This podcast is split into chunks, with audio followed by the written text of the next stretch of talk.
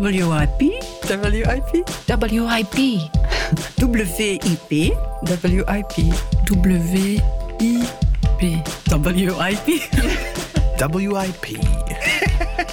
WIP.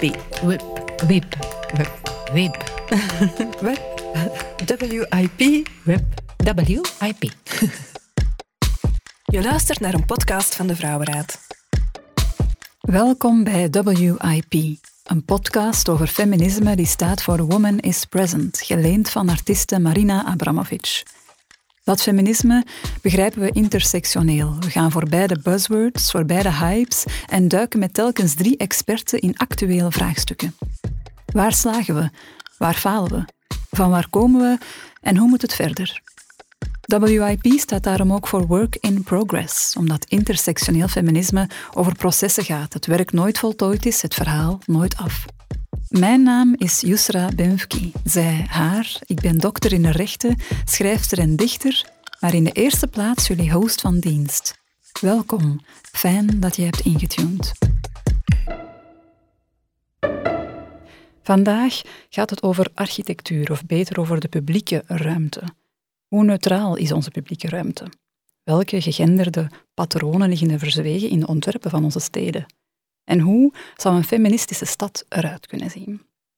Over die vragen zou ik me buigen met drie gasten. Oana Bogdan, Soumea Majdoub en Els de Vos. Helaas heeft COVID opnieuw toegeslaan en moeten we Soumaya om die reden vandaag missen. Maar met twee is ook best gezellig, denk ik, dus dat komt helemaal goed. Welkom Els, welkom Oana. Bedankt om erbij te zijn. Kunnen jullie, om te beginnen, jullie zelf even kort voorstellen aan de luisteraar? Ik ben Els de Vos, één uur architect, ruimtelijke planner en ik doseer momenteel aan de opleidingen architectuur en interieurarchitectuur van de Universiteit Antwerpen. Um, ik ben betrokken geraakt of geïnteresseerd geraakt in het thema van gender en architectuur tijdens mijn studies. Ik merkte dat heel veel vrouwen afvielen. Ik merkte dat we alleen maar vrouwelijke professoren hadden en dat daar maar sinds dit jaar voor het eerst vrouwelijke professoren aan de vakgroep architectuur en stedenbouw zijn. Mm. Um, en vandaar um, vrouwelijke voorbeelden kwamen, Zaha Dit was de eerste die opkwam toen ik in het derde, derde kandidatuur zat. Het was de eerste keer dat ik van een vrouwelijk architect hoorde, internationaal dan gekend. Um, en vandaar had ik zoiets van, wat is er toch aan de hand? Uh, mm-hmm. Hoe komt het? En zo heb ik een thesis gemaakt toen uh, met een genderperspectief op architectuur, waarin ik zag dat er van alles leefde. Um, we begonnen vanuit de vrouwenstudies, maar dan meer naar gender uiteindelijk uh, geëvolueerd. En dat architectuur daar eigenlijk een, een belangrijk thema in was. Dat het eigenlijk op alle niveaus van het architectuur als instituut, instelling, tijdschriften, onderwijs tot de gebouwde ruimte, dat het overal in mm-hmm. aanwezig is.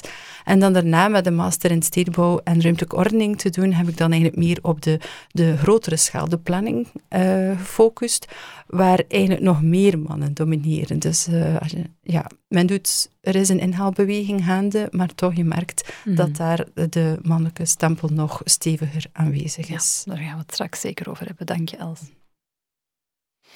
Ik ben uh, dus Swana Bogdan, uh, architecte. Um, ik ben uh, bestuurder en CEO van Bogdan en Van Broek, een architectenbureau uit Brussel. Um, ik ben ook de voorzitter van Good Living, de expertencommissie voor um, een nieuwe stedenbouwkundige verordening voor Brussel. Mm -hmm. ik ben ook een hele trotse ambassadrice van Women in Architecture in Belgium en voormalige ambassadrice van Wiki Women Design. Een heel belangrijk project, vind ik. En ook voormalige staatssecretaris voor cultuur in, uh, in Roemenië. En overal waar ik uh, ben en, en, alles wat ik doe, uh, voel ik me, laten we zeggen, um, redelijk alleen. Mm -hmm. of, of, ik zie heel weinig vrouwen, zoals -hmm. Els ook zegt. Ja. Ik, ik, ik heb zo het gevoel dat ik echt leef in een mannenwereld. Ja, ja. ja. Ja, die mannenwereld. Uh, laten we ons daar misschien meteen mee beginnen. Ik uh, zou willen beginnen met een stelling. Uh, het is een beetje een flauwe stelling, maar toch. De publieke ruimte is, omdat het de publieke ruimte is, volledig genderneutraal. Toch? Zo zou het moeten zijn. Mhm. Maar we zijn verder van daar, want wie bepaalt of iets genderneutraal is, wie bepaalt of iets publiek is? Um, ja, in eerste instantie de ontwerper, de beleidsmensen. en heel, heel lang waren, en nog, maar waren die gedomineerd door mannen. Ehm, en een heel belangrijk moment is eigenlijk uh, de 19e eeuw, wanneer je met de Ehm, de industrialisering krijg je eigenlijk een, een, een, verandering van de maatschappij, krijg je de opkomst van de burgerij, mhm. beginnen die zich een eigen positie in de maatschappij te verwerven? En zie je wat men uh, de gescheiden sferen noemt, um, het, de ideologie van de gescheiden sferen, waarbij uh, vrouwen verwacht worden om thuis voor de kinderen te zorgen, het huis goed mooi te decoreren, zodanig dat de status van haar man uh, duidelijk wordt. Zij moet daar een gepaste smaak tentoon uh, leggen, de juiste etiketten volgen. Um, en ondertussen, ja, de man is de, verdient, is de, degene die verdient, die voor het inkomen zorgt, maar zij moet eigenlijk uh, zorgen dat zijn status belangrijk is en hoort eigenlijk dat het huis via huiselijkheid, via arbeid in huis te tonen. Um, en het feit dat de vrouw duidelijk niet in de publieke ruimte hoort te zijn, is het begrip publieke vrouw, wat ja, een, een andere term is om een prostituee. Um, ja, dus een vrouw die daar alleen loopt, is eigenlijk een vrouw van lichte zeden. Zij hoort daar niet te zijn. De hmm. term publieke man zegt niks, maar publieke vrouw, dat is duidelijk. Um, dus ja, een vrouw moet uh, begeleid zijn of uh, hoort niet alleen um, op de straat te lopen. Daar is eigenlijk het ontstaan.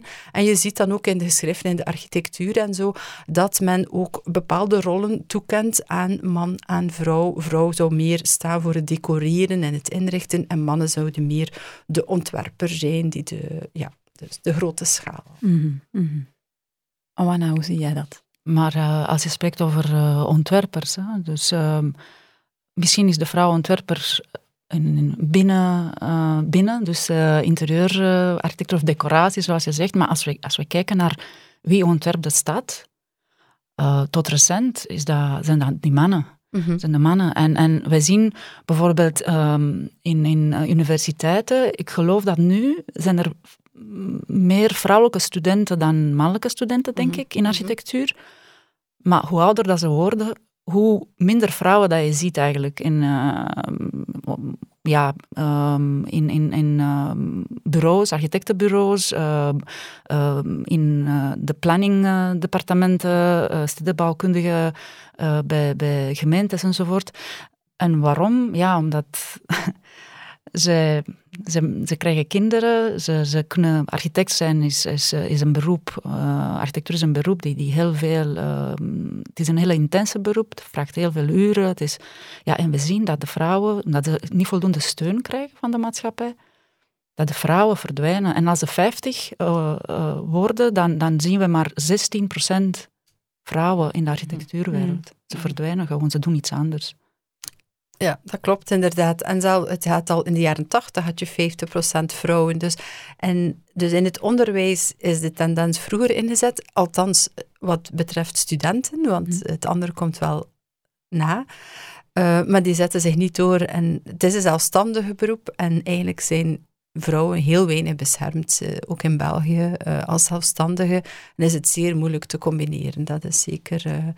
ja. En het het resultaat is dat de steden gebouwd worden vooral door mannen. En het is absoluut normaal. Hè? Als man, je denkt aan jezelf, je hebt jouw, eigen ervaringen en de resultaten zien we wel. Dus ik denk niet dat mannen dat met, met slechte bedoelingen doen. Het is gewoon zo, als je, als je niet voldoende diversiteit hebt, mhm.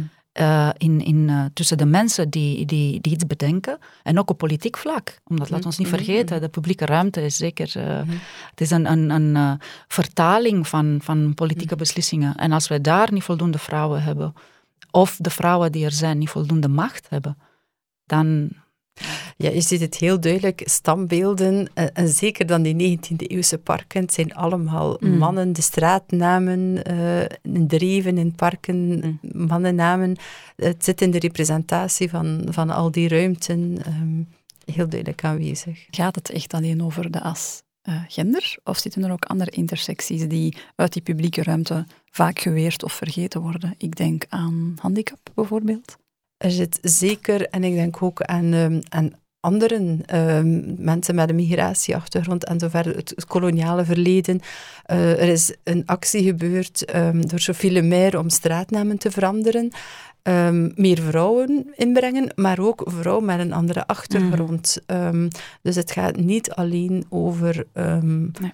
Het feminisme is wel begonnen vanuit de, de meer blanke middenklasse vrouwen, maar eigenlijk is daar dan toch vrij snel, eerder uit Amerika en zo, maar ook ehm, van women of color, eigenlijk ook aandacht gevraagd voor andere, andere vrouwen. En sowieso eh, zit je ook nog eens op de schaal ehm, de klasse. Dus met de 19e eeuw, ehm, waar de burgerij is veel bepalend geweest, maar uiteraard, je had een arbeidersklasse, die vrouwen gebruikten wel de publieke ruimte Mhm. vrij. Ehm, die moesten gaan werken, die, die ha- hadden jobs, die, ja, het ging over overleven daar. Ik Denk aan de film Dames en zo. Ehm, dus ehm, het, het, maar het is wel degene die in de politiek zitten, die, die overheersen, en dat is die burgerij. En die waarden, die, die dringen door in de publieke ruimte, Ja. terwijl dat niet heel de maatschappij zo is. Ik zou graag inderdaad in die eh, concrete, eh, pun intended, concrete eh, praktijk duiken. Hè. Ehm, ik ga misschien gewoon een heel concreet voorbeeld geven waar ik heel erg van geschrokken ben. Mijn zus heeft twee kindjes en we gingen dan in de zomer, wanneer dat kon met covid, eten. En als de pamper dan verschoond moest worden, ehm allee, vaak doet haar partner dat, maar in dit geval gingen wij dat doen, dan viel mij op dat er enkel in de vrouwenwc's verschoontafels waren. En vaak in de mannenwc's niet. En dat was een eerste moment voor mij om stil te staan bij van wow, die publieke ruimte is, is sterk gegenderd, vooral wanneer het bijvoorbeeld over dingen als zorg eh, en zorgarbeid gaat. Ehm, maar ik begrijp ondertussen dat dat maar een tipje van de ijsberg is. Ja, een, heel, een, een ander voorbeeld betreft publieke toiletten. Eh, het heeft tot 97 geduurd voordat de vrouwelijke senatoren eh, in de VS een eigen toilet hadden. Zij moesten ervoor een verdieping naar beneden aanschuiven bij de toeristen om naar het toilet te kunnen, terwijl de andere op het verdiep van de Senaat was voor de mannelijke senatoren. Ehm, dus zo'n, een- het lijkt iets banaals, maar het zegt heel veel over de plaats dat iemand in de maatschappij heeft. Vandaar dat ik, ehm, ik weet bijvoorbeeld in Brussel is men bezig nu met, ehm, met eh, toch eh, eh, dat, dat thema, dus de publieke toiletten. Maar dat Mm. toont perfect, hè? Dat is, het is, lijkt misschien iets kleins, maar nee, het toont perfect hoe dat je als maatschappij, hoe dat je kijkt naar, naar, naar diversiteit in de eerste plaats. Omdat het gaat niet alleen over vrouwen en mannen, het gaat over, over veel meer dan dat. eh. en het gaat ook over... ehm, voor, ja, we zouden e- eigenlijk moeten denken, wat zouden de toiletten moeten zijn? Omdat het gaat ook over religie. Hè? Dus, is, misschien is dat een plek waar mensen kunnen ehm, een moment hebben met, met, met zichzelf. Hè? Dus ehm, eh, het is een heel belangrijk onderwerp en het is niet gemakkelijk eh, om het op te lossen. Omdat, eh, het is duidelijk dat we veel meer ruimte nodig hebben voor toiletten. Omdat, zoals je zegt, ja, ook bij de mannen moet er een verschoontafel zijn. Vrouwen hebben veel meer toiletten nodig dan mannen. Omdat ja, een lichaam van een vrouw functioneert anders. We moeten veel meer naar het toilet. We spenderen meer tijd ehm, in, in de, dan, dan, dan mannen.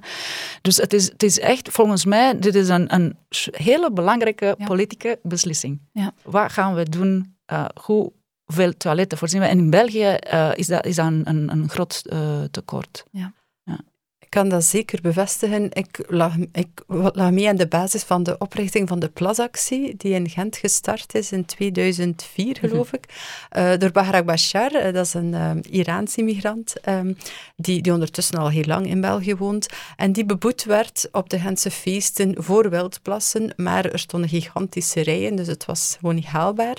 En zij werd vooral kwaad toen een paar maanden erna de stad Gent ehm, urinoirs installeerde van 15.000 euro stuk. Heel vernieuwend met zonnepanelen, eh oliefiltersysteem. Allee, heel mooi, maar alleen voor de mannen urinoirs. En toen was de maat vol en is eigenlijk met een petitie gestart. En dan zijn we met een aantal mensen, iemand van eh, vrouwen, ehm, ook een vrouwen en gelijke kansen, een steunpunt. En zijn met een aantal mensen bijeengekomen. En, zijn, en aanvankelijk werd dat onthaald van waar houden jullie zich mee bezig? En zelfs de vrouwelijke ambtenaren waren nog het meest kritisch van ja, ik en mijn collega, wij willen gerust betalen om naar een toilet te gaan. Eh, dat. En de mannelijke voorzitter moest zeggen, ja, maar ze hebben toch wel een punt. Ehm, en het is het is ook met een enquêtes gegaan uh, tijdens de Gentse feesten. Daar, daaruit bleek dat 30% van de vrouwen wildplast in de stad als het nodig is. Want we kregen ook te horen dat vrouwen dat niet nodig hebben. Dat, dat zelfs dat werd verteld. Um, en eigenlijk maar door, door verschil, er waren acties op straat, er waren petitie, maar ook, er was ook tv-optredens, mhm. maar dan ook door artikelen te schrijven in A+, in planningstijdschriften, dan opeens werd het ernstiger genomen van oké, okay, uh, we moeten hier aan de slag, we, moet, we kunnen er niet meer omheen. Um, en uiteindelijk, um, men was bezig met een aantal... Er was al een werkgroep in Gent, dus in Gent is men eigenlijk vrij progressief op het gebied van sanitair. Mm Dus zij kregen net de bui over zich, terwijl ze wel al veel inspanning leverden. Maar ja, wel ook weer te voordelen van mannen. Die idee, ja, die, die, die bevuilen onze publieke ruimte en en ja, maar uiteindelijk ja, kwamen er toiletten in de parkings en die zijn gratis gemaakt. Dus dat was een van de verwezenlijkingen. Weliswaar is een parkie, ondergrondse parkeerplaats niet echt de plek voor sanitair, maar het was wel een begin. Uh, bij bepaalde parken kwamen er ook um, sanitair. En een van de verwezenlijkingen na tien jaar was dat op de Gentse feesten de, de toiletcontainers gratis zijn voor man en vrouw. Dus mhm. dat er een soort... Maar dat is een proces. Dus uh, is naar, daar is Baharak Bashar naar de rechtbank gestapt. Dat is ook een om... Uh, om dat mee af te dwingen. Dus dat, is heel, dat was tien jaar eigenlijk. Uh, dat je denkt, eigenlijk om een basisnood, om zo lang moeten actie voeren om, ja, om iets te bekomen. Um, en we zijn er zeker nog niet. Maar we, we hebben ook een... Um, men zei, ja, maar oké, okay, maar voor vrouwen, dan moet je ook voor gehandicapten en kinderen, dat is een hele batterij, dat kan niet in de publieke ruimte. Uh, urinoria, dat is klein. Daar hebben we dan een, een unisex-wedstrijd voor georganiseerd, dus dat er een hmm. unit. Um, en daar hadden we een heel mooie glazen, glazen box met een urinoir wel aan de buitenkant en een, uh, en een toilet aan de, in de binnenkant. Hmm. Die idee is ook, we zijn niet tegen urinoirs, want die helpen ook de wachterijen te verminderen. Hmm. Um, maar we willen wel tonen dat het haalbaar is. Um, en ja, het winnend ontwerper ging een prototype gerealiseerd worden, maar die ambtenaar ging net op wereldreis en dan lag dat een jaar stil. En ja, helaas is, is dat niet verder geraakt. Bij deze een oproep aan de ambtenaar mocht hij terug zijn van zijn, haar of hun wereldreis. We wachten heel erg op die universal designed wc's. Misschien is je, gaat naar, uh, naar Japan, omdat daar zijn ze bezig met een project met uh, toiletten mhm. in, in glazen dozen. Maar ongelooflijk mooi design. Echt mhm. mooi ontworpen in de publieke ruimte. En gemaakt uit glas, die noemt Privalite. Dus als je als, je buiten, als er niemand binnen is, is dat mhm. volledig transparant. Dus je kan zien of het vuil is of niet. Hè? En als je binnen gaat en de deur is op slot, dan wordt dat opaak. Ja? Dus dat geeft nog altijd licht, maar je ziet niks. Je zit niet... Allez, uiteraard, je zit niet binnen. Het is een manier... Het is, het is om te zorgen dat de toiletten dan proper uh, blijven. Omdat, ja ja, als dat transparant is achteraf, dus je doet iets hè, en dan ga je buiten en dan wordt transparant en iedereen ziet, oh my god, dat is zo wat heeft die persoon... Die Zeker in Japan, waar men de sociale controle heel sterk is. Ja, ja, ja, ja. Maar, ik, maar het is goede architectuur, goede design, het is, naar het toilet gaan, dat is belangrijk voor een mens. Nee? Dat is, mhm. dat is, mhm. zonder dat kunnen we niet overleven. Nee? Dat is zo belangrijk. klopt. Dus waarom niet iets moois maken en, en voldoende ruimte uh, voorzien en, en, overal? Iets mooi en inclusief vooral. Ja, wat, wat de, het winnend ontwerp was ook een glazen een lantaarn in de stad. Kijk. Dus dat het s'nachts een baken was. En, en, veranderde van kleur naarmate het gebruikt werd. Dus het was wel een mooi ontwerp mm. eigenlijk. Um, en maar Japan zit, zit wel voor qua cultuur in de zin dat je daar heel veel toiletten hebt en dat zij eigenlijk een cultuur hebben dat ze zakjes met toiletblaadjes verspreiden en reclame. Dus, en dat wordt overal verspreid op straat. Dus waar men hier flyers uitdeelt, krijg je daar zakjes met flyers in, maar ook een aantal blaadjes toiletpapier. En oh, dan kan je overal terecht. En dat is ook een soort dat verandert het comfort. Je vindt misschien wel toiletten zonder papier, maar iedereen, het hoort in de cultuur. En dus we kunnen wel leren van, van, van Japan.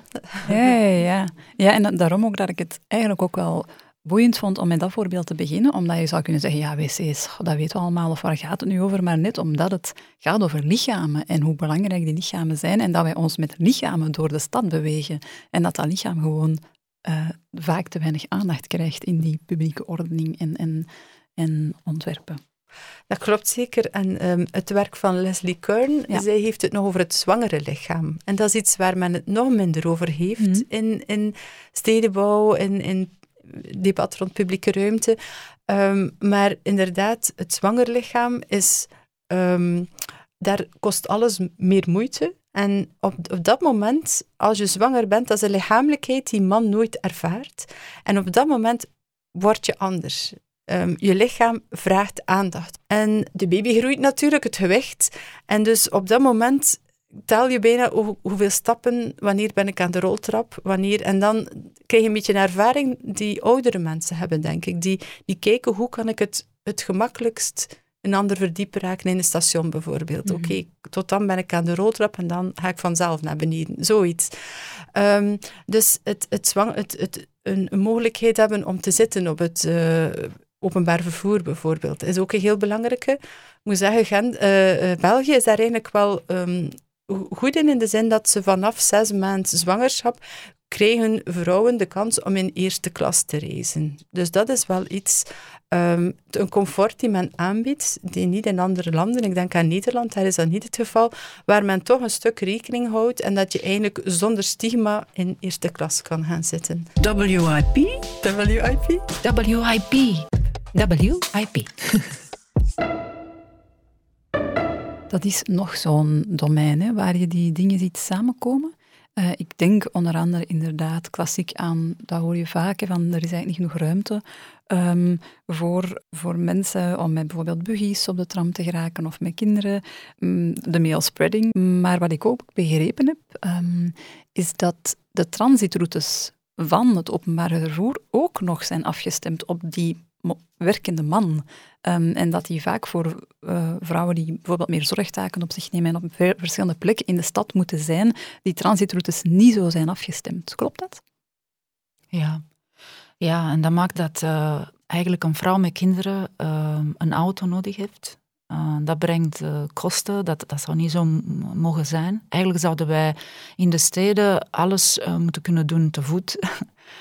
Of met dan openbaar vervoer. Maar inderdaad, dus vrouwen hebben bepaal, eh, verschillende, heel veel, eh, heel veel verschillende stoppen. Ze moeten stoppen. Ze- Het is een hele trajectorie, terwijl een man, dit is, nou, hij heeft een veel eenvoudige bewegingspatroon, bewegingspatroon. Nu, ik vraag gemeen, ik ken ook ondertussen heel veel mannen die echt zorgen voor kinderen en zo. Maar eh, dus ehm, tot... eh, allee, onze steden zijn gemaakt met, eh, in, in de hoofd met, eh, met, met zulke mannen hè, die, die, die gaan naar werk en, en, en komen naar huis. Ja. Ja, en het is zeker nog actueel. Dus het eh, MIVB heeft samen met Amazone, geloof ik, een onderzoek gedaan een aantal jaren terug eh, naar het gebruik van openbaar vervoer door vrouwen. En waar er, wa- was aanvankelijk een focusgroep met experten die zeiden, ja, dat is achterhaald. Ik ken veel mannen die ook eh, boodschappen doen en kinderen brengen en zo. En het bleek, de realiteit was echt wel nog veel erger dan men gedacht had. Er waren, en dan, maar het gaat ook in het was Brussel, dus ook vrouwen met allerlei godsdiensten, migratieachtergrond. Er waren die zelfs niet onder de grond gewoon wilden. Die zeiden, ik ga niet onder de grond. Ehm, dus dan valt dat al weg eigenlijk eh, van openbaar vervoer. En heel veel, ja, toch die zorgtaken die ze op zich nemen, heel veel last ook van ehm, betast worden ook, op, op bussen en zo. Dus er kwam wel heel veel. En toch het, het, het patroon dat vooral de vrouwen het moeilijk hadden met kinderen, met boodschappen, met, dat zij toch die zorgtaken op zich Ja. eh, nemen. Een goed voorbeeld zou ik eigenlijk wel naar Berlijn kunnen verwijzen. Daar zijn, ehm, ze hebben ze brede deuren, kan je gemakkelijk binnen met buggies, maar ook valiezen, met fietsen ook. Dus het, het fiets, openbaar vervoer op elkaar afstemmen. Ehm, en de stad zelf ook heeft heel veel groene plekken. Dus je kan daar eigenlijk met kinderen ja, zeker, ehm, zeker als je als toerist gaat, maar ook, ook als je er woont, denk, ik, je kan dingen bezoeken en dan door een park lopen en, en dan terug iets. Ehm, het is een heel kindvriendelijke stad, dat heb ik wel ervaren. Maar idealiter zou je eigenlijk de openbaar vervoer eh, niet nodig moeten hebben. Hè, Je zou alles te voet doen. Ik ben zo opgegroeid uiteraard. Ik ben in uh, dictatuur opgegroeid, hè, in, in communisme in Roemenië. Maar alles was dichtbij. Dus we deden alles te voet. En ik was ook... Dus ik ging naar school. Uh, ja, we moesten eten kopen, voor zover dat het was. Er was eten in, in winkels. Uh, maar ik ging ook naar een, een, club voor, voor kinderen, voor tekenlees, piano, noem maar op. Hè. Dus heel veel dingen. Ik, ik wou ook spelen. Hè. Dus ik ging ook spelen buiten, in, in een park enzovoort. Maar alles was dichtbij, omdat ja, zo zijn de communistische steden bedacht. Hè. Dat is mhm. het idee, dat je alles dichtbij hebt. Mhm. En ik weet van, uh, nu ik heb zelf geen kinderen, maar ik weet van vrienden die kinderen hebben dat dat het moeilijk is om een plek te vinden uh, op school of in een crèche en zeker dichtbij thuis. Uh, dat sommigen leven in, in, in, in buurt, buurten waar, waar, niet voldoende, allez, waar geen parken zijn, niet voldoende groene ruimte. En je hebt dat nodig. Dus de manier waarop wij onze steden bedenken, denk ik, kan een hele grote invloed hebben op, op, op, op de kwaliteit van het leven. Mhm. Van, van uh, vrouwen met kinderen en mhm. mensen in het algemeen, omdat een park is goed voor iedereen, niet alleen voor mhm. Vrouwen of kinderen. Maar, uh, maar, maar met dat, eh, wat is het probleem? Um, je hebt publieke grond nodig. Mhm. En de steden zijn de laatste jaren echt geprivatiseerd, heel erg geprivatiseerd. En daarom zien we het verschil tussen bijvoorbeeld uh, ja, steden in, in, in, in, overal ter wereld en Wenen. Dat Wenen in Oostenrijk, die hebben al lang een, een, een uh, ja, Wenen is een rode stad. Hè. Ze hebben een socialistische agenda en ze verkopen, ze weten dat grond verkopen, dat is geen goede zaak. Uh, en, en zo kunnen ze strategisch plannen, mm. zo kunnen ze hun stad dan uh, echt bedenken voor dan de mensen, voor voetgangers, voor ja, die comfort, de kwaliteit, die alle voorzieningen dicht bij jou thuis uh, kunnen geven. Ja. ja. ik herinner mij dat inderdaad van een citytrip naar Wenen, dat dat mij, was, dat dat mij echt opviel. Hoe, ja makkelijk die stad uh, was om mij door te bewegen. En maar natuurlijk denk ik en zeg ik dat ook vanuit een able-body lichaam. Hè. Um, dus als ik dan ja, hoor zeggen van uh, alles zou te voet moeten kunnen, dan denk ik meteen ook aan de, de uh, mensen die een rolstoel gebruiken enzovoort. Dus ik denk dat we voortdurend ja, die vraag van vanuit welk lichaam spreken we en vanuit welk lichaam denken we. -hmm. Zeker, ja. Dus met kinderen ervaar je al hoe je met buggies en zo vaak moeilijk op de stoep raakt. Of, um, en als je dan eigenlijk nog met een rolstoel zit en je wil zelf je autonoom verplaatsen, dan is dat nog veel moeilijker. Ja. Er zijn ook wel in bepaalde steden gaan ze overal het voetpad verlagen waar je oversteekt, maar eigenlijk in België is dat niet zo systematisch. Dus je kan echt een gewone uh, boord hebben, eigenlijk, een stoepboord, en ja, met de rolstoel raak je eigenlijk niet van de straat. Dus uh, bij ons is daar niet consequent mee rekening gehouden. Um, of soms ja, voetpaden die te smal zijn. Die te, het, het leken details, maar ze zijn zo belangrijk. En je beseft dat opnieuw als je een buggy hebt, en dan besef je, ja, dat is nog niks in vergelijking met de rolstoel die nog breder is, waar je zelf in zit, en waar je liefst eigenlijk zelf zou kunnen besturen, dat je niemand nodig hebt. Ja. Um, en zelfs dat zwanger zijn is ook maar een tijdelijk in de buurt komen van, um, van situaties waar mensen zich levenslang in, in bevinden. Um, hebben jullie het gevoel dat daar voor die intersectie genoeg aandacht is? Voor het bijvoorbeeld en de intersectie gender en uh, disability? En zie je dat genoeg samenkomen of zijn de focussen vaak nog verdeeld? In meer ervaring komen ze samen, maar ik, misschien heb ik geluk gehad om in, in mm. goede situaties te belanden. Mm. Maar bijvoorbeeld, uh, we zijn bezig met de studiebouwkundige verordening voor Brussel, daar komt echt alles samen. En we zijn bewust van het feit dat bijvoorbeeld als je echt denkt aan, aan, aan zwangere vrouwen en met een buggy, uh, dan heb je heel veel bereikt. Omdat dan, dan, dan, dat beantwoordt aan, aan... Dus eigenlijk een... Als je denkt aan een stad voor kinderen, waar kinderen zich veilig voelen, mm. waar ze overal kunnen spelen. Ik haat, echt, ik haat die... die uh, super gespecialiseerde dus plekken. Oké, daar kunnen de kinderen spelen. Nee, kinderen zouden moeten spelen mm. overal. Mm. Overal zouden ze veilig moeten zijn. Dus als je denkt naar, naar een, aan, aan, een stad voor, voor, voor kinderen, en kinderen in een buggy en, en, enzovoort, dan bereik je heel veel. Hè? Omdat dan, dat, dat is een inclusieve stad. Omdat dan mm. zijn de oudere mensen, mensen in een rolstoel uh, uh, bediend um, en, enzovoort. Um, kan jij een voorbeeld geven van uh, dat comité waar jij in zit voor die uh, verordening? Kan je daar een voorbeeld van geven waar er echt nu concreet verandering gaat komen of waar, waar echt een nieuwe aanpak komt? Ja, uh, de meest belangrijke is denk ik um, uh, aandacht verzetten van auto naar mensen, naar mm. lichamen. Mm. Omdat onze steden zijn nu bedacht voor auto's, niet voor lichamen van, uh, van mensen. En we zeggen in de plaats van nu zijn er regels van minimum zoveel voor voetgangers. dus minimum zoveel procent van de ruimte mm -hmm. in, een, in een publieke ruimte moet voor voetgangers zijn. En nu hebben we gezegd nee maximum 50% van de ruimte mag voor auto's. Hmm. Voor auto's, voor vehicles, hè, voor, voor voertuigen. Voor, voertuigen, ja. Um, dus dat is een totaal andere... Ja. Uh, dat is een, een, iets kleins, maar dat maakt een gigantisch verschil. Uh, en dan um, inderdaad uh, um, niet meer met hoogteverschillen werken. Er zijn andere manieren om, om de straten te ontwerpen. Ja. de publieke ruimte te ontwerpen. dus dat, de universal eh, design eh, principes, uh, dat is eigenlijk uh, heel eenvoudig te, te, volgen. Je moet alleen maar willen. Hè? Ja. Dat is politieke wil. En universal design betekent toch, voor de luisteraar die nu misschien denkt, betekent dat juist? Dat, dat je de dingen van meta af aan zodanig ontwerpt dat ze eigenlijk voor iedereen toegankelijk zijn. Vat ik dat goed samen? Wel, um, universal design, tegenwoordig gebruikt men eigenlijk meer de term design for more, um, waarvan de bedoeling is om te ontwerpen voor zoveel mogelijk. Um, de bedoeling is dus dat zoveel mogelijk een breed spectrum aan mensen gebruik kunnen maken mhm. van bepaalde zaken. Uh, maar universeel op zich, dus het idee was universeel iedereen, maar eigenlijk kan dat tegengesteld zijn. Iemand met autisme wil misschien een, een duidelijke omgeving met duidelijke vlakken, terwijl iemand um, met een andere stoornis kan net een andere ruimte wensen. Die, mm. Dus soms zijn zijn de behoeften tegengesteld van bepaalde groepen. En daarom zegt men design for more, dat je zoveel mogelijk maximaal, maximaal gebruik uh, hebt um, van zaken en ruimten. Um, en eigenlijk een heel um, spontaan voorbeeld, zonder dat het als dusdanig ontworpen is, is eigenlijk wel de stad Ljubljana. Um, die, daar is e-, één architect, Plezhnik, die eigenlijk heel veel ingrepen in die stad gedaan heeft, waardoor um, de hele ruimte, de hele stad gewoon uh, gebruikt kan worden. Gebouwen hebben vaak een plint waar mensen kunnen zitten.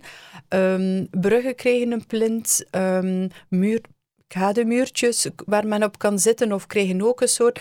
En die stad is eigenlijk volledig gemaakt voor oudere mensen, dacht ik perfect. Die kunnen om de zoveel meter zitten op een heel uh, spontane manier um, en organisch mm. ingekleed in, in, in de gebouwde omgeving. En dat is bij ons wel een beetje anders. Bij ons uh, is het heel erg. Allee, ik spreek nu over Brussel. Uh, ik herinner me niet meer zo goed hoe dat, dat is in andere, in andere steden, maar in Brussel bijvoorbeeld in de metro uh, zijn er heel veel maatregelen genomen tegen de daklozen. En dan zie je dat uh, ja, alles is gedaan om te zorgen dat de daklozen niet kunnen slapen op bijvoorbeeld banken. Dus er zijn geen banken, er zijn zo stoelen, maar ook met een beetje afstand tussen de stoelen om echt te zorgen dat geen daklozen kunnen slapen. En dat maakt het dat je bijvoorbeeld als je met een kind bent, of met sakosjes of weet ik veel wat, mm. uh, dat en zo'n kleine stoel, zeker als je een beetje zo'n lichaam hebt, zo wat groter, mm. hè, dat is te klein. Dus dat maakt het dat het eigenlijk oncomfortabel, dat je je oncomfortabel voelt in, uh, in de publieke ruimte. En in het algemeen dus alle maatregelen die genomen worden mhm. tegen terrorisme of tegen daklozen in een staat, zeker in Brussel, maken de publieke ruimte kapot. Mm. En er zijn manieren, er zijn, er, zijn, uh, er zijn voorbeelden ook in andere landen uh, van good design. Opnieuw, ik geloof heel sterk in, in uh, de, de power of design. Dus de, mm. ik geloof dat we heel veel kunnen oplossen met, met goede design op allerlei vlakken. En in andere steden zien we dat, dat, er toch dat het toch mogelijk is om, om bijvoorbeeld te, tegen terrorisme te gaan met slimme meubels die niet eruit zien als defensie. Hè? Mm-hmm. maar, dus, maar die inclusief zijn, die, die vriendelijk zijn, uh, uitnodigend zijn uh, voor iedereen. En daar hebben we nog niet geleerd in Brussel. En uh, wij zitten met de Europese instellingen, dus ik snap de behoefte aan, aan heel veel veiligheid. Maar opnieuw, er zijn goede designers die goede ontwerpen kunnen bedenken uh, met, met, goede resultaten in de publieke ruimte. Denk je aan zo'n voorbeeld of is dat moeilijk om er zo nu een off the top of your head? Ja, er zijn um, bijvoorbeeld in Brussel, als men denkt, oké, we mo moeten... Uh, in de eerste, eigenlijk in Brussel denkt men zelfs niet direct aan een, aan een meubel. Ze zeggen, oei, we hebben uh, we moeten tegen terrorisme gaan. Dus dat, wat doen ze? Ze, ze? ze bouwen gewoon ineens, zie je zo'n kubus, maar gigantische kubus in beton, voor, allez, een paar zo van die kubussen, Mhm. voor de inkom van een gebouw. Een belangrijke gebouw, of allez, een gebouw met uh, een belangrijke instelling daarin. Uh, maar dus dat ziet eruit als echt als defensie. Of uh, gigantische inoxe cilinders. Dat zie je voor de metrostations, dat zie je voor gebouwen enzovoort. Dus dat is, daar proberen ze zelfs geen meubels uh, van te maken. En als er toch meubels gemaakt zijn, dat is zo'n compromis, omdat uh, de, de aandacht gaat echt naar die terrorisme. En dus dat, dan, dan heb je ineens zo een bank die met de rug, allee, die totaal onlogisch zit in de publieke ruimte. Terwijl een manier is, er zijn manieren, er zijn steden, allee, Barcelona is zo'n stad, er zijn steden waar, waarin, waarin, omdat design echt geapprecieerd is, Mm-hmm. en goede designers uh, hun, hun job kunnen doen in de publieke ruimte, dat zie je zo het resultaat. Je ziet het, het is gedaan met liefde. En zo. Ja, ja. Maar dat komt ook in Brussel, maar nog niet. Allee, het is, er is nog niet. En in tijden van COVID uh, zag je dat men de, de publieke ruimte was nog belangrijker dan anders. Want ja, mensen, bepaalde zaten echt alleen in huis opgesloten, hadden geen tuin of een kleine tuin, zaten dan met veel kinderen en zo verder. En toen zag je eigenlijk in het begin van de quarantaine, de lockdown, het omgekeerde. Um, ouderen die alleen op een bankje in een park zaten omdat ze even moeten rusten, die werden gewoon weggejaagd uh, van, van het bankje. En door, speelt, door, de, door de politie. Ja, dus daar, het gedrag van de politie versterkte eigenlijk nog de gebouwde omgeving. Ja, ja COVID is inderdaad... Um, heeft denk ik nog een vergrootglas geplaatst op hoe die publieke ruimte ingericht is. Niet? Dat bijvoorbeeld niet is afgestemd om met grote familiale groepen uh, in de publieke ruimte te zijn. Ja, en vandaar dat we zien hoeveel parkeerplaatsen zijn uh, overgenomen door, uh, tijdelijk, uh, jammer genoeg, door terrassen, door plekken voor de buurt, door plekken mm -hmm. voor de mensen. Ook omdat, en dat is, een, um, dat is een probleem met huisvesting, omdat heel veel families, eigenlijk heel veel appartementen of heel veel woningen eigenlijk geen buitenruimte hebben. En dan als je in lockdown bent en je kan niet naar buiten, ja, dat, is, uh, dat is onmogelijk. Dus je moet in de publieke ruimte gaan. En dan, als je mag, hè, mm -hmm. als, als, je niet mag, ja. dan is het... Uh... Ja, dat was met absurde regels. Men moest in beweging zijn. Uh, maar bijvoorbeeld, ja, mijn dochter was met twee tienermeisjes. waren ze, was ik heel blij dat ze eens naar buiten waren. Hen, hen Brugse Meersen... Um, maar op een bepaald moment werden ze weggejaagd, want ze waren aan het pingpongen en dus bleven ze ter plekke sporten. En ze moesten bewegen, ze mochten niet. En dus zij gingen naar huis en, en ze, ze durfden niet meer terug in de publieke ruimte. En dan dacht ik, allee, ze hebben dat zo nodig. Ze hadden totaal geen sociale contacten live meer. En dan als ze dan eens met hun drie, drie meisjes ja, in de publieke ruimte iets deden, dan werden ze eigenlijk ook weggejaagd. Vond dat eigenlijk ja, heel ernstig, van waar, waar zijn we mee bezig eigenlijk. Hè? Ja. En wat ik hier ook in hoor, is opnieuw die intersectie met klassen. Hè? Dat, dat, hoe klasse ook altijd in het verhaal binnenkomt. Um, en, en dingen als armoede. Uh, ik weet nog dat ik mij daar heel erg aan ergerde aan, uh, zeker in het begin van, van de lockdown, hoe bepaalde gezinnen en bepaalde ideale gezinnen en, en in beeld werden gebracht van het huis met het zwembad en de trampoline en de kindjes met allemaal eigen laptop. En het is toch wel moeilijk om het georganiseerd te krijgen, wat wel zal zijn, maar hoe zit het... Er zijn zoveel andere situaties die zelfs daar in de buurt van komen en die gewoon niet in beeld worden gebracht. Helemaal niet. Uh, ik weet dat in, zeker in, gemeenten zoals Anderlecht, Molenbeek, maar zelfs in, in, in, in, in buurten in, in Antwerpen zijn er uh, meer dan de helft van de woningen die geen buitenruimte hebben. Mm. Uh, Anderlecht en Molenbeek bijvoorbeeld zijn zo dicht bebouwd. Er zijn geen groene ruimtes. Uh, we zouden om, om gewoon om gezond te zijn, hè? dus onze mentale mm. gezondheid is ook belangrijk. Om gezond te zijn zouden wij op drie meter afstand van elke raam van onze woning een boom kunnen zien. Op 300 meter dan een park kunnen bezoeken. En ja, dat, dat zie je niet. dus het, is, het, het gaat eigenlijk, COVID heeft heel sterk getoond um, hoe unequal. Hè? Dus uh, inequality, dat is echt een, uh, een, een, groot probleem die al lang bestaat. Maar nu denk ik dat het heel zichtbaar is geworden. Ja. Ja. Um, daarnet hadden jullie het ook al een beetje over veiligheid. Um, vind ik wel een boeiend thema, omdat onder andere in het boek van Leslie Kern, dus voor de luisteraars, zij heeft het boek The Feminist City geschreven, dus een herwerking van haar doctoraat, geloof ik. Een Canadese geografe, klopt? Ja, ja. ja het is nu toch gebaseerd in Canada. Ja. ja. Um, en zij het boeiende is dat zij het hele verhaal van veiligheid wel wat complexer maakt uh, dan alleen het verhaal, je mag, je kan best op dat uur niet in die ruimte zijn. Kun je mm. daar wat meer over vertellen, over het complexe verhaal van veiligheid en hoe dat inhaakt op die publieke ruimte?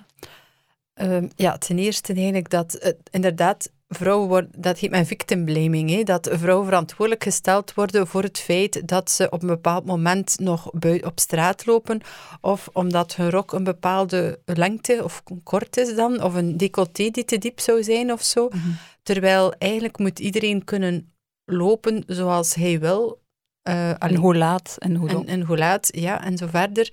Um, dus ja, het, het, de verantwoordelijkheid ligt eigenlijk eerder bij de anderen um, dan bij die vrouw zelf. Um, en de, de, publieke ruimte draagt daar wel toe bij. Dus op het gebied van sociale veiligheid heb je de subjectieve en de objectieve veiligheid. Dus de objectieve kan je uit de cijfers afle afleiden. Bijvoorbeeld bij parken, het aantal diefstallen, verkrachtingen, aanrandingen die er gebeuren, geven een cijfer. Maar dan heb je ook het subjectieve gevoel van voel ik me hier veilig of niet. Um, er is zeker een correlatie. Dus uh, in het parkonderzoek dat ik zelf gedaan had in drie parken in Gent, bleek dat in het meest, on, ja, het park met de slechtste cijfers, dat er inderdaad mensen zeiden van, ja, na zes uur uh, ga ik naar huis of ik parkeer mijn auto hier heel dichtbij en vanaf dat er iemand is die ik niet vertrouw, neem ik mijn dochter mee en gaan we in de auto en zijn we weg. Dus... -hmm. Men hield er rekening mee, terwijl in het meest um, het veiligste park, waar eigenlijk niks gebeurde, het Trommelwaterpark, dat, lag, dat is een, een, park in het hart, de pit van een bouwblok, waar alle woningen op uitgeven en dus een enorme sociale controle is, want al die woningen, iedereen kan eigenlijk een, een oogje in het zeil houden en je hebt ook het gevoel dat je bekeken kan worden. Um, en daar de vraag, voel je hier veilig, bekeek men jou van, natuurlijk, wat vraag jij nu? Hmm. Dus er is zeker een verband. Maar natuurlijk, um, doordat, door de ervaring van onveiligheid ver, vergroot de vrouw misschien nog wel het gevoel van onveiligheid. Dus als je s'avonds loopt uh, in een donkere ruimte, ga je al vluggen, oei, wie passeert hier, hoe, en zo verder. Dus het, het heeft effect ja. uh, op mensen. Ik denk ook dat we niet denken aan aan vrouwen bijvoorbeeld die, die alle moeilijke en eigenlijk ook slecht betaalde jobs doen. Mhm. die, en voor hun job moeten ze ofwel heel vroeg ergens zijn, mhm. ofwel heel laat uh, thuis zijn. En, en ja, wat moeten die vrouwen doen? En mm. als, als, als het niet voldoende verlichting is, uh, als de ruimte te veel hoeken en kantjes hebben. Dus dat gevoel van veiligheid um, uh, wordt versterkt door voldoende uh, licht, door een beetje kunnen anticiperen oké, wat komt om de hoek? Hè? Hm. Dus als de hoeken niet te scherp zijn, als het niet te... Dus de vorm van de, van de publieke ruimte, hè? Hm. de stedelijke vorm van de publieke ruimte is, is belangrijk. En dan de zorg voor de publieke ruimte. Dat, dat weten wij als iets dat verkrot is, hè? dus vuil en, en hm. voelt onveilig. En, en wat blijkt uit, uh, uit studies is dat als je niet heel snel um, um, opkuist of, of, of als de, de, de autoriteiten niet snel uh, in, interveneren, dan, dan, dan die verkrotting uh, groeit uh, heel snel. Hè? Dus dan, dan van een, van een vuile plek krijg je ineens een supervuile plek die heel moeilijk is te, mm. te kuisen en dat voelt heel onveilig. Mm. Dus, en er zijn voorbeelden van, ehm, een heel bekend voorbeeld is de, de Londen, de, de metro en eigenlijk de hele transportation system in, in, in Londen, waar in de jaren dertig een hele slimme eh, CEO heeft gezorgd dat er opnieuw alles heel snel gekuist zou worden, um, um, goed design zou gebruikt worden en kunst zelfs, om de ruimte, dus alle stations, alles uh, te bedenken op een manier dat eigenlijk dat gevoel van veiligheid uh, geeft. Mm -hmm. Um, maar ik weet dat eigenlijk vrouwen. er is veel meer geweld uh, binnen, hè? dus thuis. Klopt, klopt. Dan op straat. En ik kom uit Roemenië, het is een drama. Het is een drama.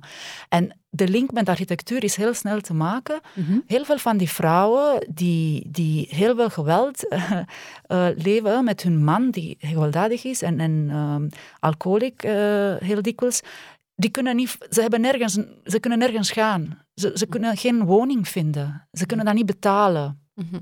En dan blijven ze met die man die gewelddadig is om een dak boven hun Hmm. huif- hoofd te hebben. En dat vind ik zo erg. Ja, het is een rechtstreeks verband eigenlijk Ja. met die publieke ruimte. En Ja. die private ruimte in dit geval.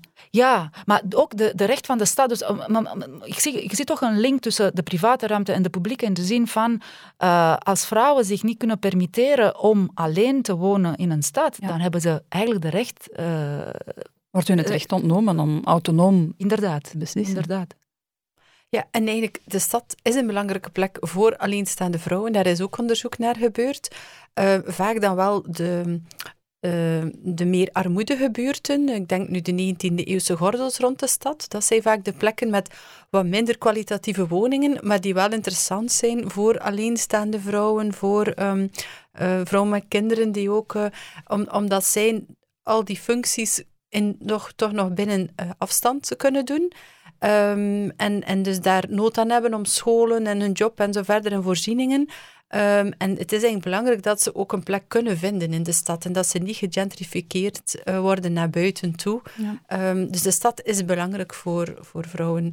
Ja, en dat vraag, daar, daar heb ik wel heel veel vragen bij. Als je kijkt naar hoe waanzinnig de prijzen bijvoorbeeld zijn op de... Mhm. Ik kom zelf uit Antwerpen, uit de Antwerpse woningmarkt. Dat is echt waanzin. Mhm. Ja, dan vallen die toch per definitie uit de boot. Ja, of je krijgt dat men eh, panden overbewoont. hè. Men, soms met heel veel in een kleine woning of een klein appartement.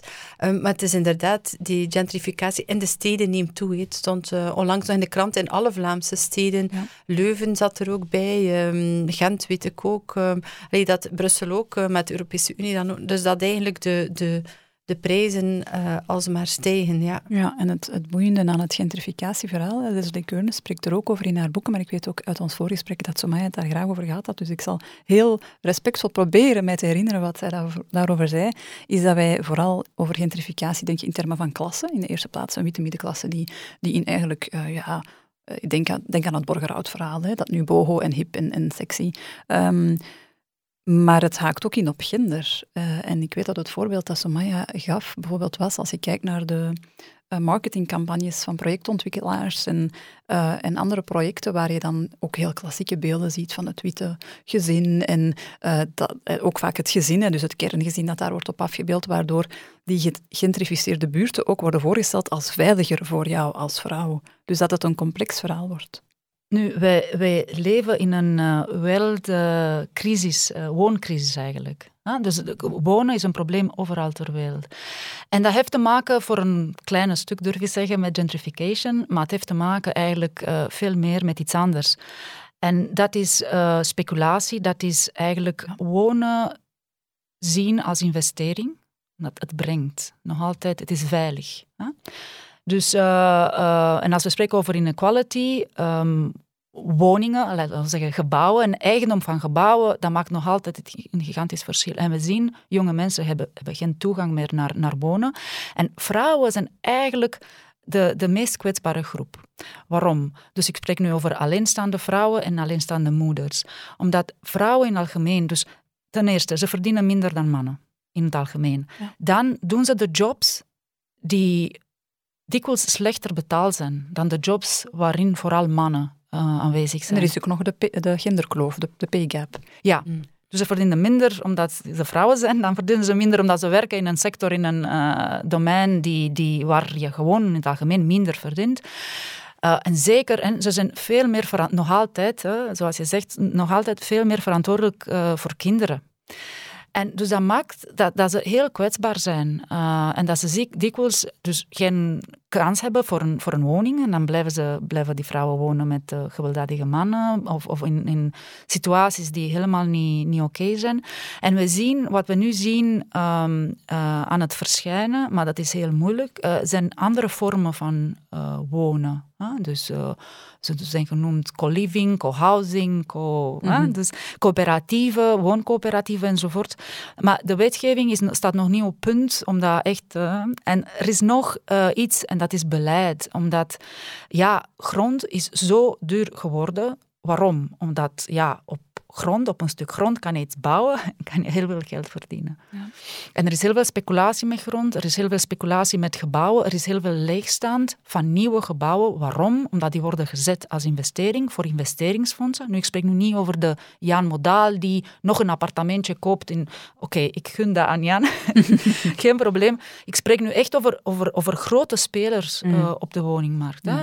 Uh, uh, dus, dus investeringsfondsen die, die gebouwen kopen of neerzetten en, en, en ja, die blijven leeg, omdat er is geen vraag. Dus wat ik wil zeggen is dat architectuur is niet meer, wordt niet meer gedaan voor mensen.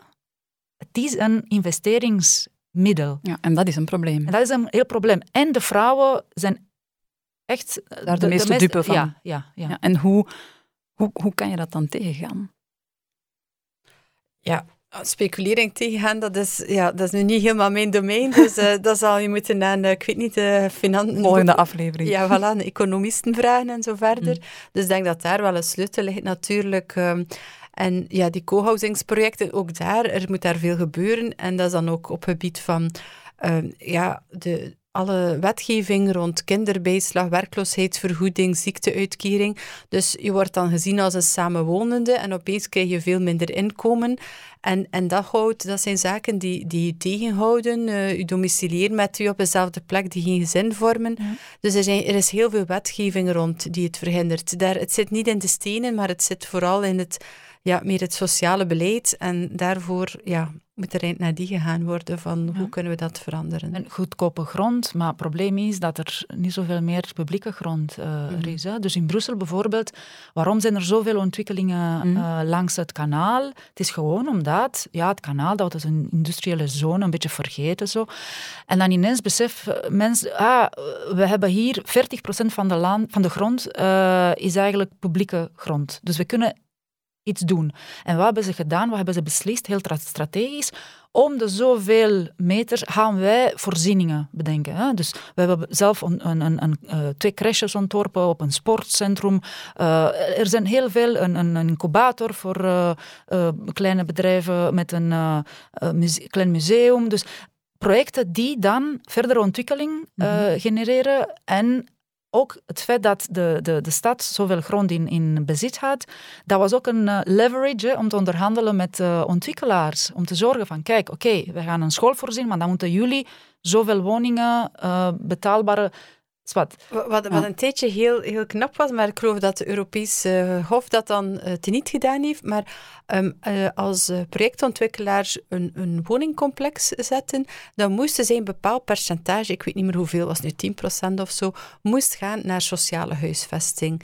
En dat werkte eigenlijk zeer goed. Uh, maar dat is ergens door uh, teniet gedaan juridisch, om, om Europees. Ik, ik, weet niet meer het fijne ervan. Maar dat was eigenlijk wel iets dat werkte in de zin dat dan ook de privaatontwikkelaars ook bijdroegen aan een stukje uh, sociale woningen. En vaak profiteren die ontwikkelaars van uh, een gebied die, um, die aangepakt was, stadsanering of zo. En op die manier konden ze toch een stukje teruggeven. Uh, maar helaas, um, ja, dat is dus niet gedaan. Mm. Ja, je zou eigenlijk uh, woningen zouden betaalbaar worden als er meer woningen zouden zijn op de markt. Hè. Dus volume. Nu, ten eerste, ja, speculatie tegengaan, er zijn allerlei maatregelen. Maar inderdaad, dat heeft niet te maken met architectuur. Da daar, daar zijn wij als architecten zeker uh, in stedenbouwkundige machteloos. Uh, maar ja, grond, goedkope grond, om, om dan alternatieven te ontwikkelen, dat is, een, dat is zeker een, een, een oplossing. En dan voldoende woningen bouwen. En dat zorgt, we hebben een probleem in België vandaag. Uh, dat iedereen, de NIMBY-gedrag, dus not in my backyard. Uh, dus iedereen is heel uh, tolerant en inclusief totdat het komt op, op ah, dat stuk grond achter jouw woning zou een publieke, allez, publieke woningen project worden. Oh shit, nee. Dus er zijn, in Brussel zijn er gemeentes waarin men tegen openbaar vervoer is. Waarom? Maar ah, dan komen de armen bij ons wonen. Mhm. En dat willen we niet. Hè? Dus we, we, we, wonen samen totdat het uh, dicht bij ons thuis mhm. komt. Dan niet meer. Hè? Ja, niet. Nu, en er is dan iets anders, dat zijn die, die, die leegstaande grote woningen, waar dan ouderen, het 60, 70 wonen, die eigenlijk onderbenut zijn. Maar ook daar is het niet evident om, om hen ja, te laten verhuizen en zo. Maar mocht je natuurlijk die woningen gezinswoning of collectief wonen en, en voor hen een al kleinere woning, dan zou je ook um, ja, tot een betere oplossing komen. Mhm. Maar dat is ook niet evident om dat te doen. WIP? WIP? WIP. WIP. Over niet evidente oplossingen gesproken, wil ik jullie toch dan een moeilijke vraag stellen. Uh, als we dan die toekomstblik uh, nemen en kijken naar wat is er dan nodig voor een feministische stad of een gendersensitieve stad, um, wat, als jij het voor het zeggen had? Ja, ik zou zeggen een inclusieve staat. Mm Echt een staat voor, voor iedereen uh, en een gezonde staat. Uh, nu, we hebben met uh, de expertencommissie voor Good Living in Brussel hebben we heel lang over nagedacht. En, en onze conclusie was dat het begint met de open ruimte. En de open ruimte, dat wil zeggen met de publieke en de private ruimte. Waarom? Omdat eigenlijk het leven in de stad zou in de toekomst onmogelijk worden als wij niet zorgen dat de stad uh, voldoende open ruimte heeft voor, voor ecosystemische diensten. Uh, onze steden zullen warmer, alleen maar warmer en warmer worden en moeilijk. En dus als wij ten eerste zorgen dat die open ruimte kwalitatief ingericht is. Dus dat wil zeggen, ofwel groen, ofwel ja, de publieke ruimte, die dan echt een plek is voor, voor iedereen, dan, dan zijn we verder. Um, en ten tweede, dat wij de gebouwen bedenken op, op um, hele lange termijn. En eigenlijk dat alles kan alles worden. Hè. Dus dat ben niet meer uh, dat wat vandaag een kantoorgebouw is, kan morgen gewoon uh, gebouw worden en, en, en omgekeerd. Uh, dus er zijn maatregelen die we hebben genomen om te zorgen dat dat uh, mogelijk is. en ten laatste veel meer transparantie gevraagd. En, en, omdat um, en, um, de manier waarop de, de autoriteiten dan begrijpen om de steden te bouwen. Dus dat, dat daarin een soort cultuurshift komt, erin komt om te zorgen dat iedereen dan wel toegang heeft uh, naar de stad. En gebeurt dat al, die meer aanpasbare gebouwen? Um, ja, dat gebeurt nu al. Er zijn uh, intelligente uh, constructies uh, die, wij, die wij zien. Maar wat wij hier in dit nieuwe reglement hebben, verordening hebben, hebben voorzien, is dat de hoogte van de verdiepingen groter wordt dan vandaag. Hè. Dat, dat zorgt, hè, we hebben meer en meer technieken en dat maakt het onmogelijk heel, om, om, om, om verbouwingen te bedenken. Heel veel gebouwen worden vandaag afgebroken omdat de, de plafondhoogte te, te laag is. Dat, dat, dat zorgt ook voor, voor kwaliteit. Wat we zien dikwijls in herenhuizen en wat we heel hard appreciëren is de plafondhoogte. Dus veel meer zuurstof, in de, veel meer gevoel van, van, van ruimte. Dus dat is een van de, van de dingen. Maar dan de diepte van de gebouwen um, enzovoort. Dus ik denk en dat maakt het dus voor mij, ik, ik ben, moet ik zeggen, ik ben heel veel voor uh, ja, inclusiviteit en eigenlijk voor ja, steden bedenken echt voor iedereen. Ja. En dan komt ten goede voor iedereen dan ook. Ja. Hoe zie jij dat als? Ja, ik sluit er zeker bij aan dat het belangrijk is dat de publieke ruimte um, zo uh, inclusief mogelijk is. Um, en een van de zaken, men heeft een onderzoek gedaan, Kind en Samenleving, um, of kind en ruimte, of kind en samenleving heeft de focus ook op ruimte, dat, um, dat er een soort um, um, ja, systeem is dat eigenlijk mannen de publieke ruimte eerst innemen, oudere jongens, jongere jongens, en als die er niet zijn, gaan de meisjes die ruimte innemen. Dus een voetbalveld of een open plein, we gaan er gaan voetballen en het wordt bezet.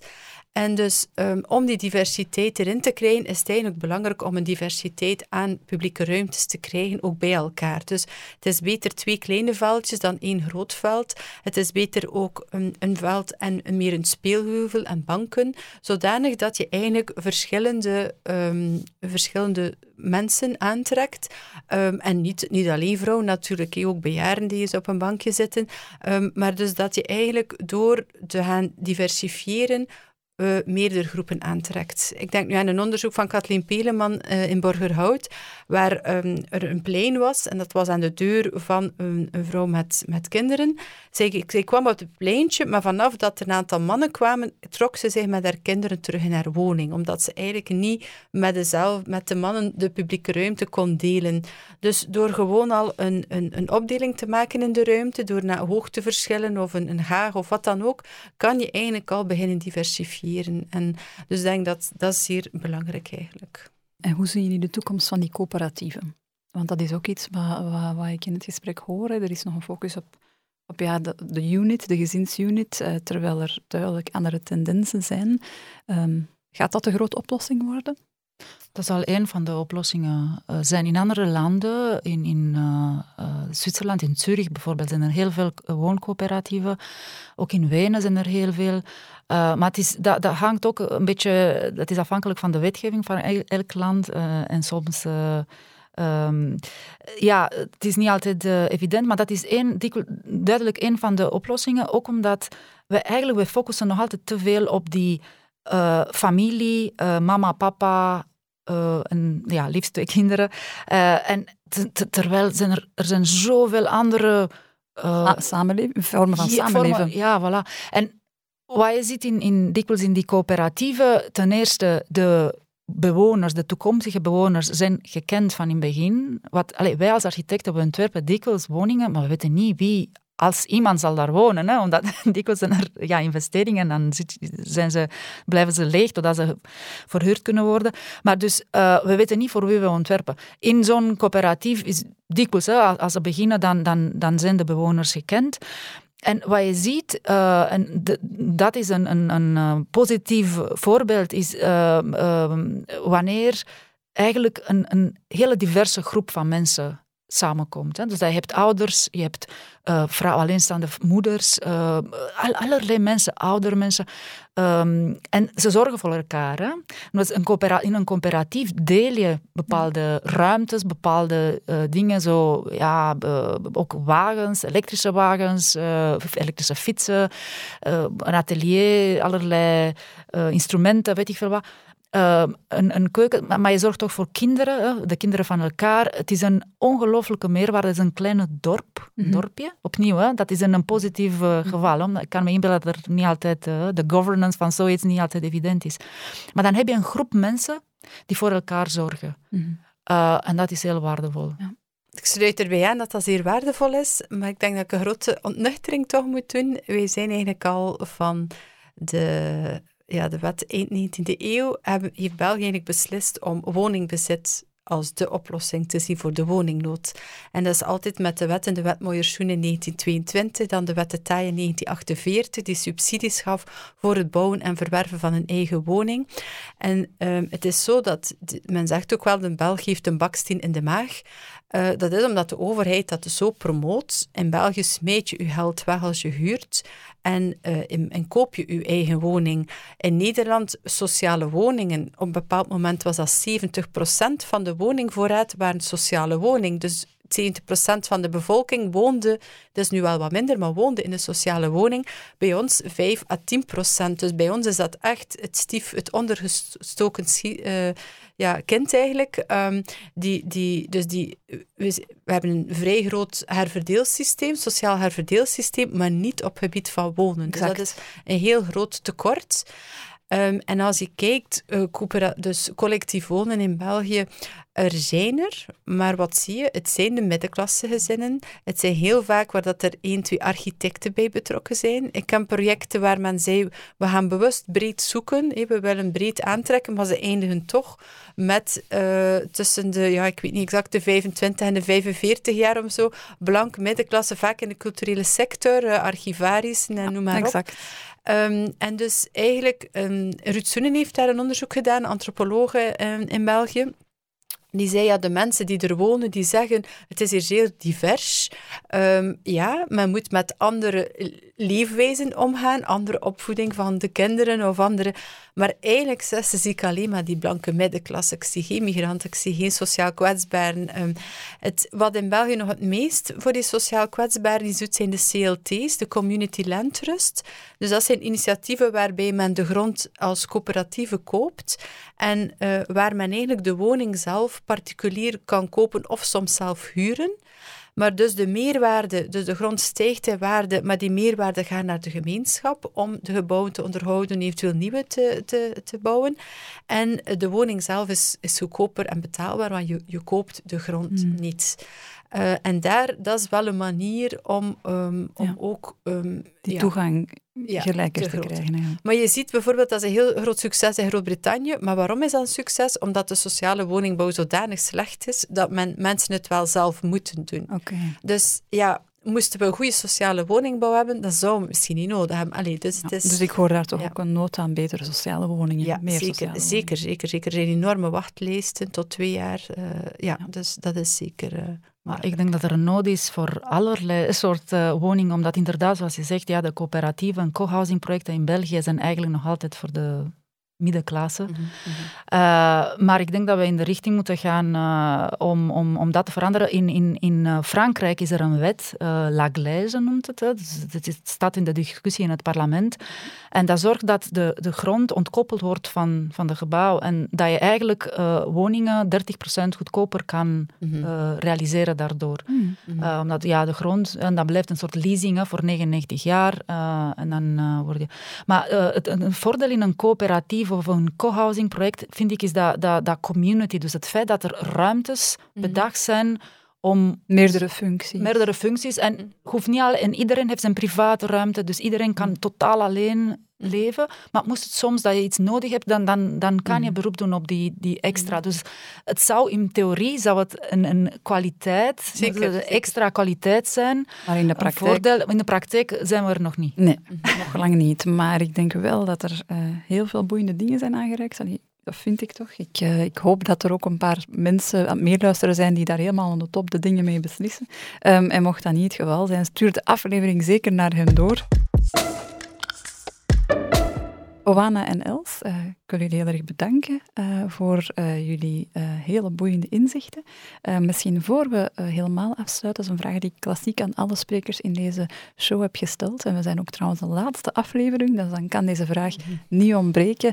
Dat is eigenlijk een heel persoonlijke vraag. Um, want je zei het net al, Oana, het is toch vaak een, een soort van ja, je beweegt je vaak alleen of je voelt je vaak alleen in die, in die wereld. Um, Els, ik vermoed dat dat voor jou voor een stuk uh, ook geldt, uh, tenminste als ik, hè, eh, als we teruggaan naar jouw opleiding en hoe lang het heeft geduurd voor je representatie begon te zien, waar, waar laat je je aan op om dan toch die moed te blijven houden? Wat geeft jouw energie?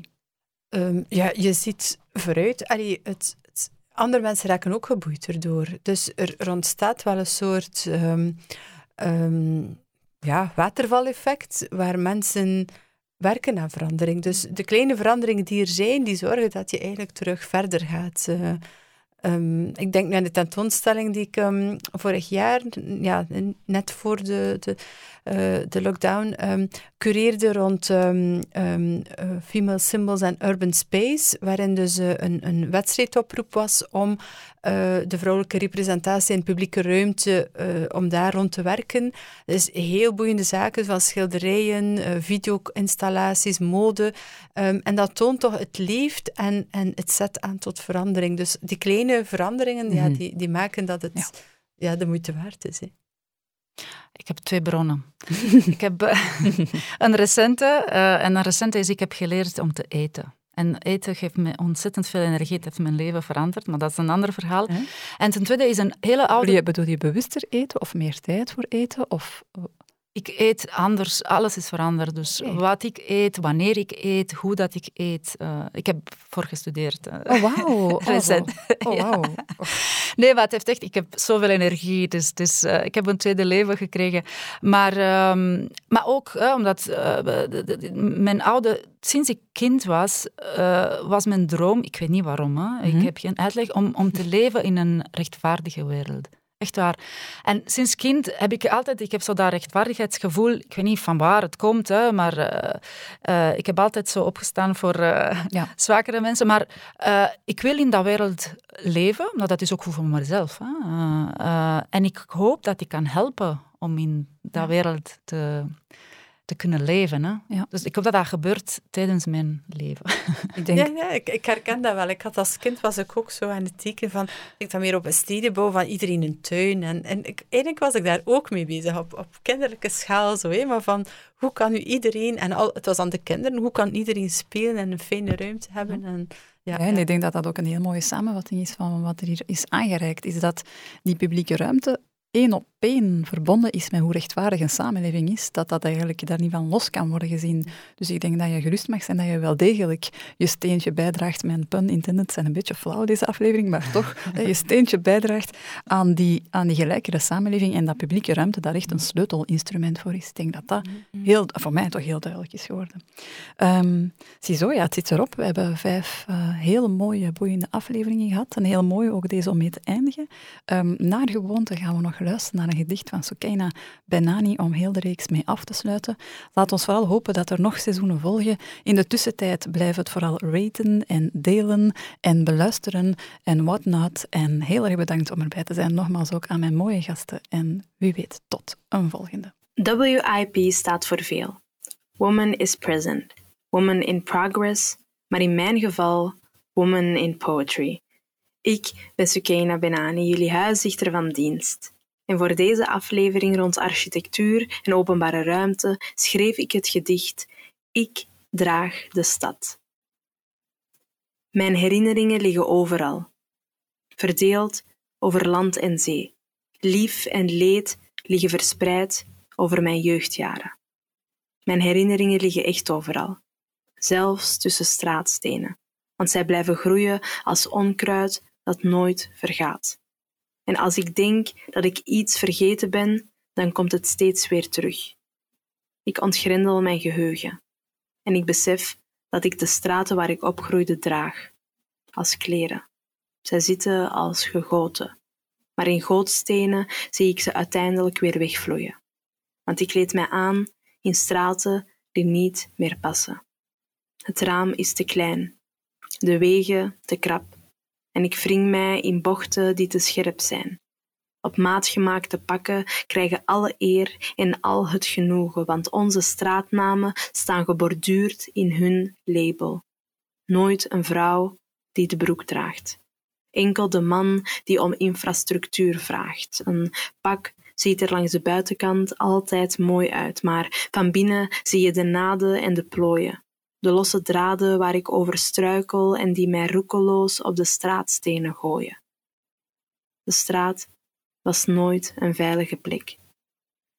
Het raam is te klein, de wegen te krap en ik raak niet door de deuren, want klinken staan als knopen te springen om verlossing. Er is geen plek, er is enkel een veilige stek waar ik mij heel soms in kan wanen samen met de mensen die mijn thuis vormen. Maar ook dat is vergankelijk. Ik groeide op in buurten waar ik welkom was. Althans, dat dacht ik. Kleine ik dacht dat de straten voor mij gemaakt waren om in te spelen. Maar later besefte ik dat zij zodanig zijn gemaakt dat ik niet vrij kan bewegen. En daarom voel ik mij vervreemd van mijn jeugdjaren, want de straten waar ik ooit opgroeide en waarvan ik ze beter ken dan ik mezelf soms ken, zijn vandaag de dag te klein, te verstikkend, te krap. En ik blijf struikelen over de straatstenen die mijn herinneringen dragen. En de buurten waar ik opgroeide, ik draag ze. Ik draag ze alsof ze de mijne zijn. Alsof ik ze meebaarde, want ik heb ze meegevormd. Ik water de planten en ken de wegen als geen ander. Ik ontdoe het onkruid van stigma, want ook zij maken deel uit van mijn geheugen, mijn intieme stad. Draag de buurten waar ik opgroeide alsof ze de mijne zijn. Maar de straten stoten mij af. Er is wrijving tussen het steen en mijn huid. Wrijving om wie ik ben als vrouw. Het gebouw om de hoek heeft de straatnaam van mensen in op maat gemaakt te pakken. Dit was Ik draag de stad.